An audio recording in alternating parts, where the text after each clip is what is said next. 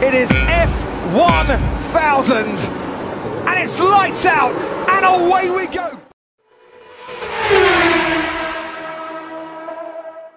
Oke, selamat datang di Obras F1, obrolan santai seputar Formula One. Balik lagi dengan host kesayangan pacar masing-masing. Oh, bukan.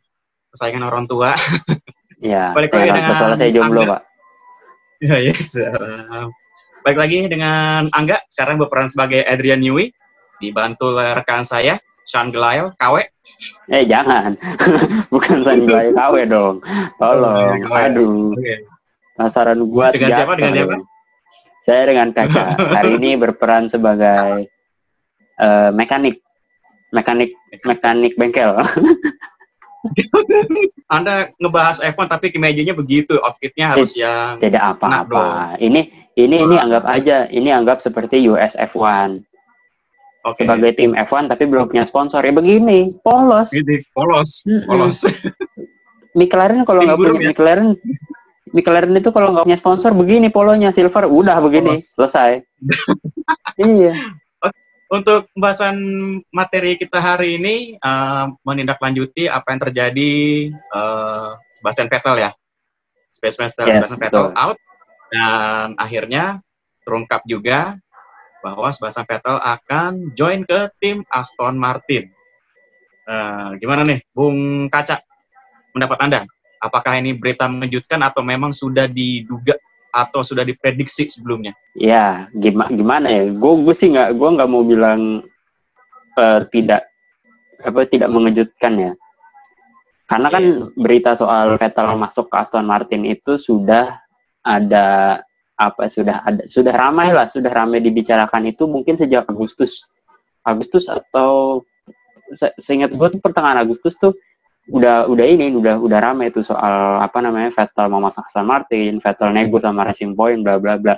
Dan di beberapa apa namanya di beberapa kejadian itu kalau kalau seingat gua di Silverstone itu si Vettel kan ke gap ini tuh ke gap apa nih elbow bumping. Elbow bumping sama si Lawrence Stroll apa Otmar Safnauer ya? Lupa gue tapi pokoknya Hmm. dia jadi ketangkap kamera sedang interaksi am- eh, sedang elbow bumping sama dia. Terus di balapan mana lagi ya? Si Vettel itu juga eh, ketahuan satu mobil sama Otmar Safnauer dan Hmm. ya makanya med- med- makanya media rame kan bahwa wah ini Vet- Vettel bakalan balik ke Racing Point eh bakalan masuk Racing Point ini bakalan jadi bakalan masuk Aston Martin lah bla bla bla. Ramai lah dan maksudnya ternyata ternyata rumornya itu benar kan? Rumornya benar bahwa si Vettel itu masuk ke Racing Point eh Aston Martin anjrit. Nih nama nih tim kebanyakan nama sih. Sering ketuker. Ya jadi eh, dan ya- yang gua suka dari yang gua suka dari pengumuman deal ini eh kenapa harus di Mugello gitu? Kenapa kenapa peng- pengumuman ini harus eh, diumumkan saat Ferrari sedang merayakan balapan ke seribu? Salah satu apa ya salah satu harusnya kan spotlight ada di mereka ya. Spotlight itu harus ada Ya. di Ferrari lah yang merayakan punya event besar terus tiba-tiba Vettel dan Aston Martin dengan gue boleh bilang licik sih bukan licik sih tapi kayak kurang ajar gitu loh. Kurang aj- dengan kurang ajar bikin statement bikin pengumuman yang cukup besar sehingga eh, apa namanya perhatian itu teralih dari yang tadinya ke Ferrari semua akhirnya teralih ke deal antara Vettel dan Aston Martin. Gitu. Hmm, Oke. Ya, kalau ya kalau kalau gue bilang apa ya, gue sih menyambut baik sih dengan adanya uh, Vettel ini masuk ke Aston Martin.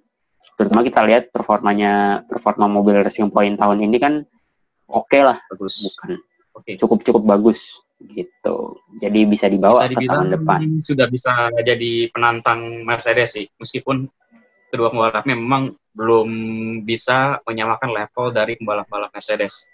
Betul, betul. Eh, yang dan ini tidak lepas masuknya Vettel tentunya tidak lepas dari outnya Sergio Perez. Hmm, Eh, padahal Perez itu pembalap bagus loh, kalau menurut gue. ya. betul. Cuman Konsisten. nasib nasibnya tidak pernah bagus berada di tim yang selalu di papan tengah, Hmm, papan eh, papan bawah, papan tengah lagi.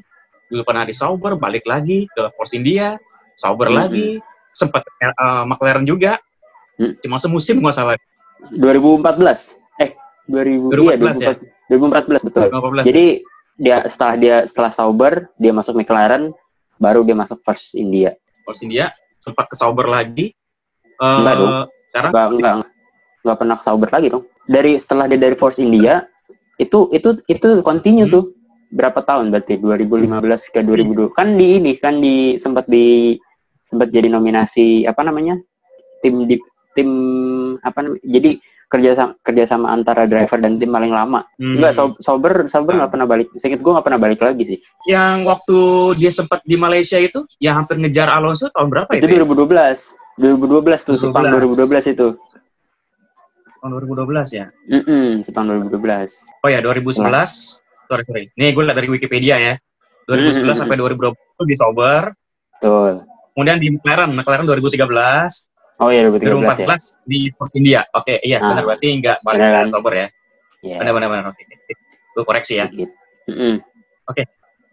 Padahal Perez tuh bagus loh menurut gue ya. Tapi Betul. karena nasib aja sih. Karena kan dia bergabung dengan Racing Point yang notabene milik si bapaknya Lance. Jadi otomatis sih nggak mungkin mendepak anaknya sendiri kan. Iya. Otomatis sih eh, apa mungkin dia dikorbankan atau kontraknya sudah habis atau gimana? Enggak, enggak. Hmm, gue lebih gue lebih suka kata dikorbankan sih kayak maksud gue Perez itu bener-bener gue bilang overachiever eh, sebagai driver itu dia overachiever lah. Dia bisa memaksimalkan mobilnya yang sebenarnya bukan bukan inilah bukan dia masuk McLaren juga bukan saat bukan saat McLaren lagi ini lagi bagus. Eh, Iya. maksudnya eh, maksudnya bukan saat top tiernya lah.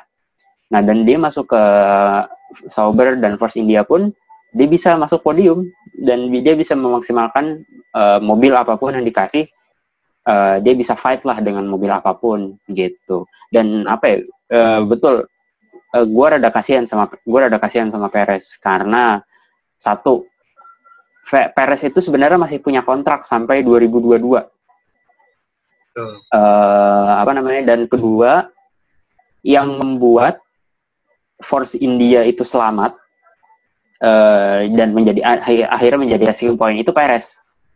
Perez Hmm. itu mengajukan bukan ya dalam tanda kutip lah ya dia mengajukan Force India untuk bangkrut lalu eh gue gue lupa gue lupa ini benar apa enggak tapi setahu gue Perez itu sampai dihutang diutangin oleh Force India jadi untuk bayar bayar apa namanya? Untuk bayar gaji-gaji karyawannya selama masa transisi dari uh, India itu diumumin dijual eh, masuk administrasi dan dibeli oleh dibeli oleh uh, Lawrence Stroll itu Iya. di- jadi karyawan itu digaji pakai uang pribadi Perez kan gokil ya. Maksud gue sebegitu Iya, berkorbannya Perez untuk untuk timnya gitu. Dan akhirnya ternyata akhir- akhirnya malah seperti ini.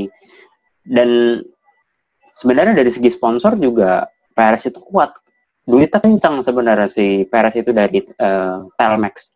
Telmex itu kan yang punya tuh Carlos Slim. Eh, kalau nggak salah orang terkaya kelima dan orang terkaya pertama eh orang terkaya di Meksiko.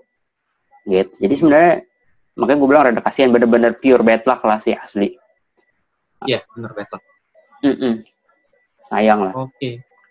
Ya berarti Perez itu sebenarnya pembalap bagus di tim yang bagus tapi di saat yang salah sih dia. betul Sering betul gitu. yes Bener kan? Dan betul betul setuju gue kasihan juga loh kalau misalkan Perez tiba-tiba di Depok gitu nggak diperpanjang. Seharusnya kan ada sampai tahun 2022, tapi tiba-tiba di-cut kan tahun 2021 dia nggak balapan lagi. Mm-mm. Pertanyaannya, siapa yang akan nampung eh, nampung Perez nanti di tahun depan? Di seat yang kosong itu ada kemungkinan ada berapa tim ya? Eh, Williams kosong ya? Enggak, enggak. William sudah keisi dua, Russell sama Latifi. Udah confirm. Yang Oke, kosong iya. itu, yang kosong itu masih ada satu di Red Bull, satu di Mercedes, Red Bull. eh satu di Al, eh, sat- dua, dua kalau nggak salah. Alfa Tauri masih ada dua, eh, Sauber masih, eh, Alfa Romeo masih ada dua, sama Haas masih ada dua. Gue berharap gue berharap sih mungkin dia bisa balik antara balik ke Sauber atau Haas sih. Eh, tapi tapi gini kalau misalnya dia dia balik ke antara dua tim itu, kalau dia masuk ke dua tim itu, Alfa Romeo sama Haas, dia harus dia harus kompetisi sama pembalap akademinya Ferrari yang ada di F2 sekarang. Ada Mick Schumacher Iya. sama ada Callum Ilott. Dua-duanya Hmm. kemungkinan akan masuk F1 tahun depan. Tergantung tuh, makanya eh, si, si- siapa yang akan dikorbankan eh, ataupun ataupun pers malah akan apakah dia mau malah mau masuk IndyCar. So- soalnya ada ada rumor juga yang bilang bahwa Zac Brown itu mau masuk IndyCar dan dia eh, ngincer Perez sebagai pembalap ya, pembalapnya di IndyCar. Terus gue ada baca Hmm. juga di salah satu blog itu bahwa Perez dideketin juga sama Christian Horner Oke. dan logis Eh, pertimbangan dia logis pertimbangan si Christian Horner cukup logis bahwa eh, karena Red Bull karena sekarang kan eh, karena agreement apa agreement yang soal Concord agreement itu kan kalau dia tiga eh, apa top 3 selama 10 tahun berturut-turut itu akan ada bonus cukup besar. Nah, Red Bull itu khawatir dengan eh, ancaman dari Racing Point sama McLaren nih yang lagi yang lagi dalam tanda kutip lagi kuat-kuatnya lah. Sementara Al- Albon ini masih masih belum bisa apa ya masih kalau gue boleh bilang masih belum bisa konsisten. Albon itu kencang, Albon itu kencang, Albon itu pembalap yang bagus, tapi dia masih belum bisa konsisten. Itu yang disayangkan. Dan belum bisa nyamain level Verstappen. Itu yang menjadi pertimbangan Christian Horner untuk eh, explore opsinya opsi untuk datengin Perez ke Red Bull walaupun itu ini itu ini ini banget sih kayak eh, kayak jauh banget lah kayak kalaupun kejadian itu peluangnya kecil banget. Kayak mungkin 30 persenan lah. Gue lebih yakin dia masuk antara Sauber Haas atau cabut ke IndyCar antara itu. Atau ini atau eh, setahun. Setahun nggak balap. Gitu. Tahun nggak balap. Hmm, Oke oke. Kalau misalkan nanti masuk ke Red Bull, berarti kan eh, ibaratnya Red Bull ini sudah keluar dari koridor eh, tim mereka loh. Setidaknya Betul. apa istilahnya? Eh, dia kan punya sister team Alpha Tauri. Biasanya kan mereka ngambil rekrutnya dari situs-situs juga kan biasanya kan. Mm-mm. Biasanya karena memang eh, kita nggak tahu pemikiran Christian Horner seperti apa untuk membangkitkan sebuah tim. Karena melihat dari eh, pembalap pendamping Verstappen tuh sama sekali nggak ada apa ya nggak bisa mengimbangi eh, Verstappen ataupun benar eh, mengendalikan mobilnya dengan baik di Red Bull gitu loh. Seperti banyak contohnya kan seperti Pierre Gasly dia bagus di Toro Rosso dulu masuk Red Bull tapi kewalahan di Red Bull gitu kan. Kemudian diganti Albon, Albon juga kewalahan. Kalau misalkan gue sebagai Christian Horner ya, gue lebih, lebih pilih Perez sih. Karena Perez lebih, Iya. lebih pengalaman sih. Karena dia belum pernah mencicipi tim bagus loh, ibaratnya gitu loh. Kesian juga. betul betul betul Ya, betul Terus sih kalau jadi Eddie Newey atau uh, Christian Horner atau Helmut Marko ya ya gue memang ngelirik yang pembalap yang udah apalah istilahnya udah pengalaman lah untuk mengejar uh, top tim yang atau bukan ini tim bisa dibaratkan tim-tim baru naik nih. Tim-tim kayak seperti Racing Point udah mulai mengalahkan dia kan nih. Nah benar. gue sih sebagai Marco Helmut eh, Helmut Marko ya ya gue mendingan pilih dia sih daripada nganggur kan setahun ya gue rekrut gitu loh Iya, bener sih. Cuma eh, tantangannya Perez itu ada di dua orang. Pertama Albon, sama Sunoda. Sunoda dari Oh, Tsunoda. F2. Yes. Sunoda itu Suno- Sunoda itu diincer sama Honda untuk tahun depan bisa masuk F1. Pertama itu. Hmm. Eh, apa namanya? Dan dia target ditargetkan kalau dia eh, finish di posisi top 4 di minimal posisi 4 aja di klasemen F2 tahun ini. Si Honda akan eh, Honda tuh kemungkinan besar akan nge-push dia untuk dapat satu seat di Alfa Tauri. Itu Hmm. itu ha- hal yang pertama. Yang kedua eh, siapa? Albon. Albon itu orang Thailand. Kita tahu Red Bull itu eh, nggak itu nggak purely merek Austria loh. Eh, salah satu Iya. pemegang saham terbesarnya itu adalah uh, Yovidia Yovidia something. Uh, dia itu yang megang uh, brandnya Krating Deng. Which is sebenarnya Oh, Krating Deng sama Red Bull sama. Cuma Red Bull itu di- Iya. dibikin untuk pasar Eropa, Krating Deng dibikin untuk pasar Asia. Gue Asia. gua gue sih punya feeling bahwa Albon akan di- ditahan abis-abisan, akan di backup abis-abisan karena sesama Thailand gitu. Iya. Dan jadi kalau misalnya misalnya Perez masuk nih, Perez masuk, Albon kan harus turun dong. Albon turun. Misalnya Albon turun, berarti kan di Alfa Tauri berarti ada pilih ada empat ada empat pilihan driver nih. Ada Sunoda, ada Kvyat, ada Gasly, ada Albon. Kvyat gue yakin akan di Kvyat eh, kemungkinan eh, akan ditendang lah karena dia nggak perform. Gasly akan dipertahankan. Nah, Kan, ya. Tinggal ini kita punya tiga driver yang ngerebutin dua seat. Bingung lu? Bullshit. Iya. itu susahnya kalau misalnya Perez masuk ke apa namanya kalau misalnya Perez masuk ke Red Bull itu susahnya makanya itu agak agak apa ya agak jauh gue gue nggak terlalu yakin lah kalau soal itu sementara kalau Oke, dia ke Haas masih ini masih peluangnya masih gede karena kan Haas itu kan ada Magnussen sama Grosjean kalaupun satu orang dari Ferrari masuk eh, ke Haas berarti kan masih ada satu seat lagi kosong Iya, betul. gitu Oke, kalau Alfa Romeo berarti yang di- tetap pertahankan Kimi Räikkönen kan? eh gini, siapa yang dipertahankan akan tergantung Kimi Räikkönen keputusannya mau pensiun atau enggak. Hmm. Yang gue baca, Räikkönen itu diharapkan akan jadi mentor buat Mick. Ya, Oke. tapi balik lagi. Räikkönen mau apa enggak? Kalau Räikkönen masih memutuskan untuk bertahan, berarti seatnya seatnya Giovinazzi yang akan dikasih ke Mick. Tapi kalau misalnya ternyata Kimi Räikkönen bilang, ah gue gue gue mau pensiun, bla bla bla, besar kemungkinan duetnya itu Gio sama ini, Gio sama apa namanya. Gio sama Mick, betul. Cuma satu ya. Nah, ini Vettel masuk ke Aston Martin, which is Hmm. gue bilang sih, gue bilang sih eh, good. Cuman kalau dari sisi lu gimana?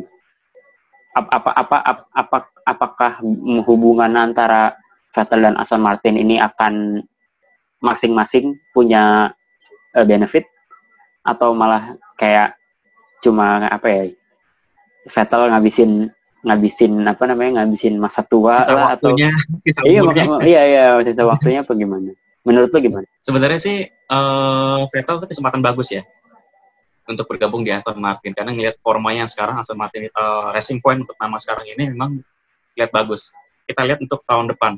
Karena memang Vettel eh sejauh yang gue tahu ya semenjak dia gabung ke tim barunya memang eh ibaratnya dia berjuang dari awal. Semenjak seperti gabung dengan Ferrari kan Ferrari lagi sulit-sulitnya tuh waktu itu.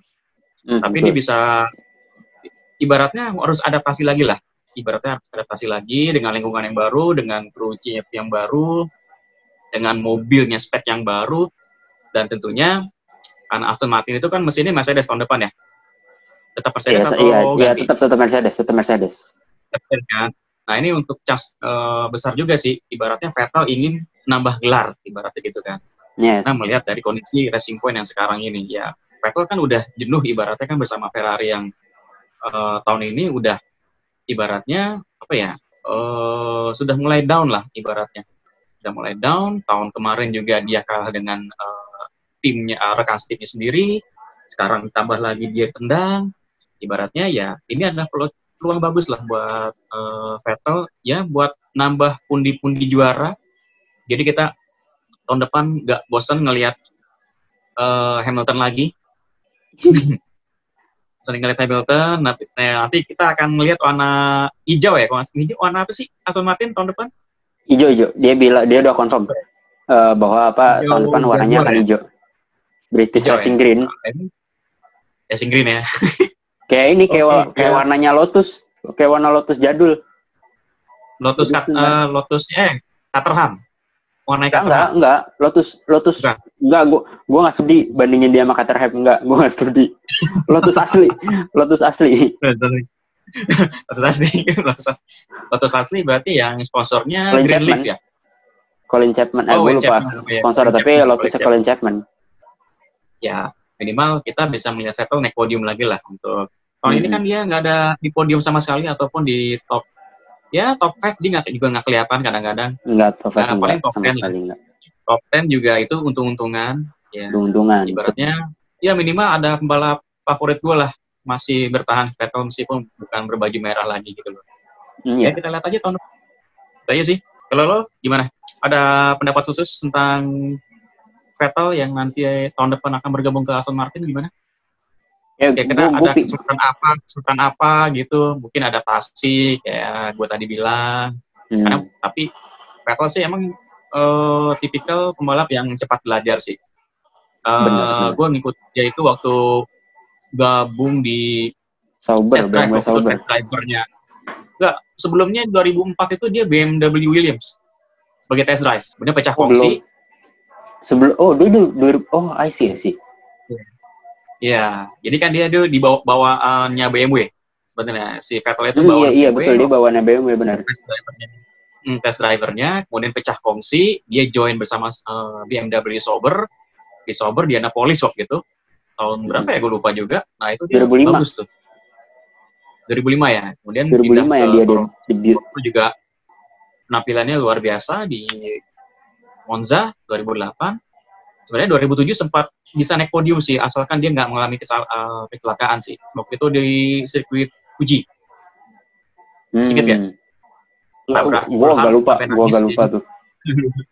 Nah, ya sebenarnya Vettel tuh bagus, cuman ya dia hanya membutuhkan mobil yang mumpuni aja sih untuk bisa juara Hmm. gitu aja sih. Karena kan selama ini kan Vettel itu berjuang ibaratnya eh, dengan mobil apa adanya.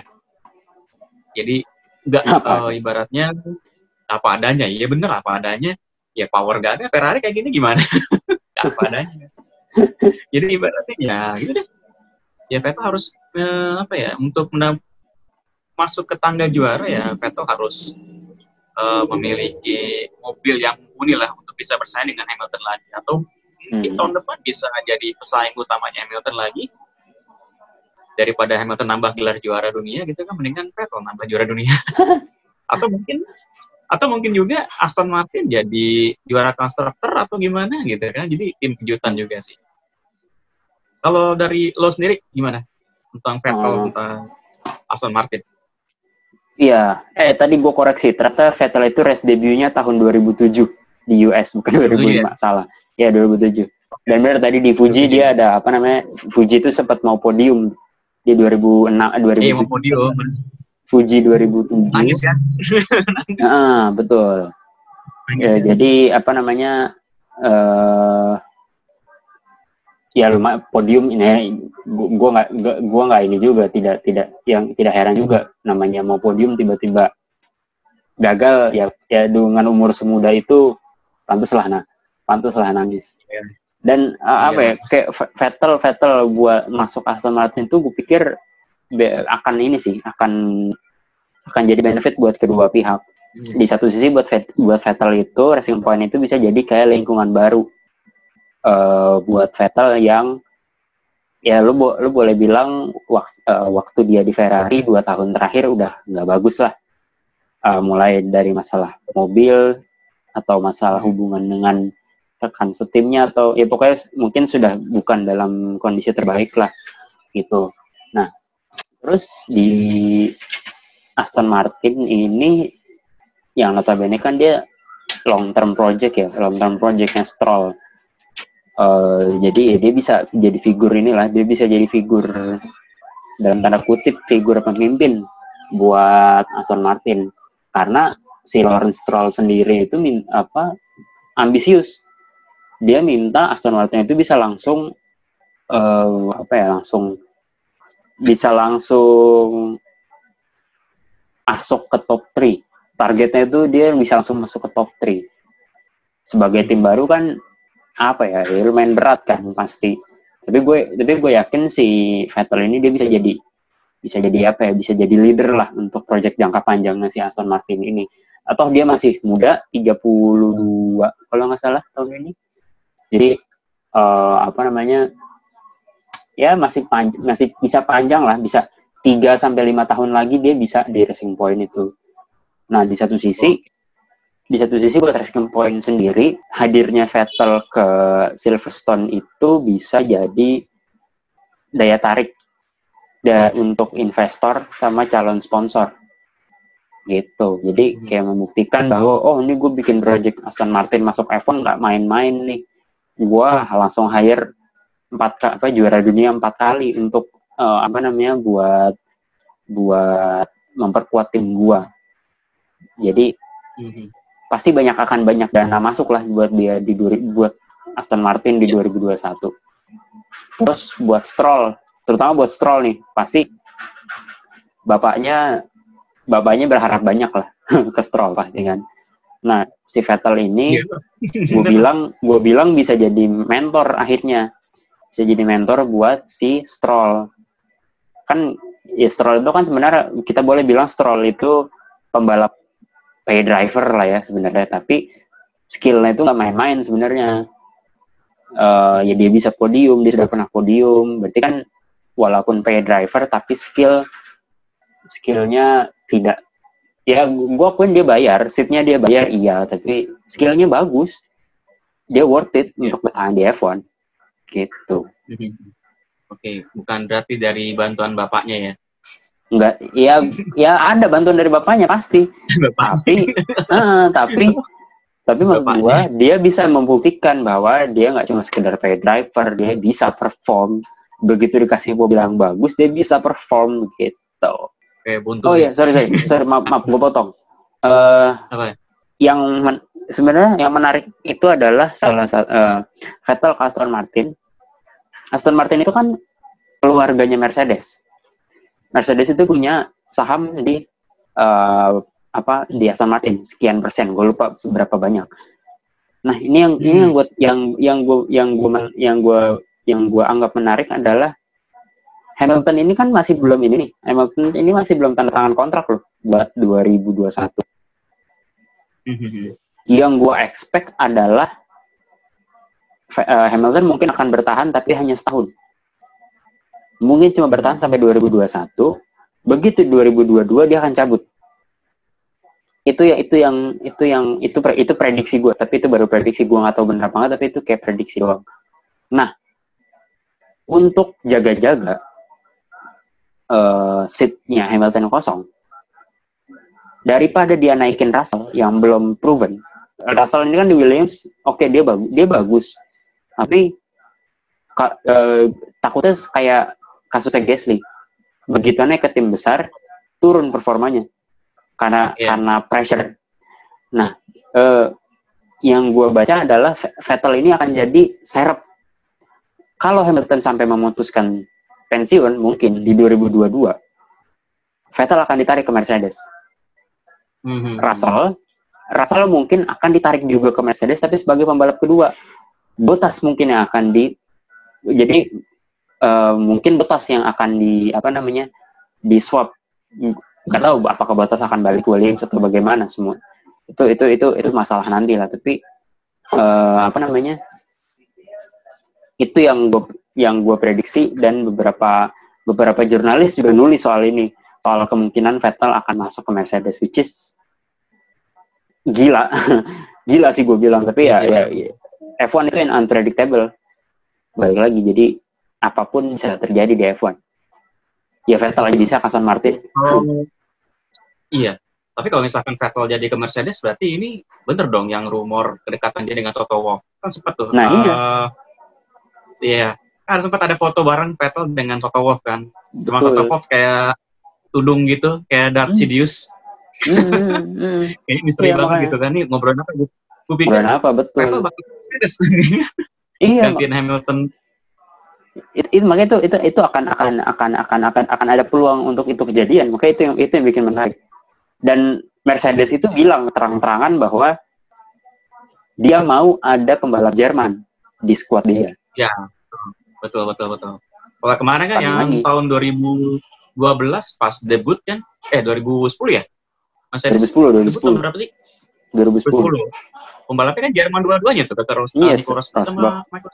Schumacher Nah, daripada nanti pembalap Jerman tapi eh sorry mobilnya Jerman tapi balapnya Inggris mendingan Jerman kan iya makanya itu itu itu soalnya si siapa ya gue lupa namanya orang-orang Mercedes orang Mercedes sih bilang bahwa terang-terangan bahwa Vettel itu dipertimbangkan karena dia a Jerman. Dia Jer dia orang Jerman. Jadi da, Mercedes tertarik untuk datengin Vettel agar dia bisa punya Jerman squad dalam tanda kutip. Gitu. Betul betul.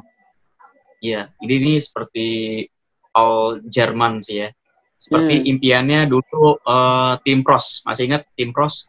Terus Waktu itu Peugeot. Pros itu dia kan dari Prancis, mesinnya pakai Peugeot, pembalapnya Olivier Panis. Jadi all French driver, eh, Oh, all French driver. French. Hmm, tapi gagal. ya mudah-mudahan sih nanti kalau kondisinya eh, Vettel bersama Mercedes ya gue gue setuju aja sih. Gue masih nyimpen baju Mercedes tuh tenang aja. Sebenarnya ya sih gue beli baju Mercedes itu buat karena Schumacher sih. Cuma Schumacher keburu pensiun kan 2012, Keburu pensiun. akhir 2012 diganti Hamilton. Simpen dulu aja itu Mercedes. Nanti pas syuting tahun 2022 mungkin Vettel ya udah ke Mercedes, nah gue pakai lagi Mercedes. Kemarin gue Kalau simpen. Kalau masih muat, Pak.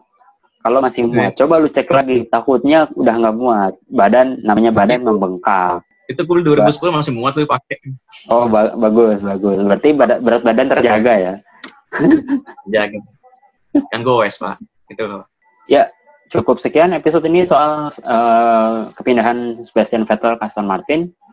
Ya, memang kita bisa kita boleh bilang tahun ini adalah silly season yang mungkin sangat tidak terduga eh, dan apa ya cukup unik karena ya bahkan sebelum musim dimulai aja semua sudah ada beberapa transaksi yang terjadi begitu. Kalau misalnya Hmm. kalian suka dengan video ini, silakan klik like dan share Eh, dan jangan lupa untuk eh, komen. Misalnya kalian punya kalian punya ide apakah Perez ke mana Perez akan berlabuh? Silakan komen di bawah dan jangan lupa subscribe ke channel Obras F1 dan nyalakan loncengnya supaya kalian nggak ketinggalan video-video terbaru dari Obras F1. Gua Yes. Kaca pamit. Eh, saya Angga Max Verstappen. Waduh. Waduh. Oke, eh, sampai ketemu di episode Obras F1 selanjutnya. Stay safe and stay healthy. Ciao. Ciao.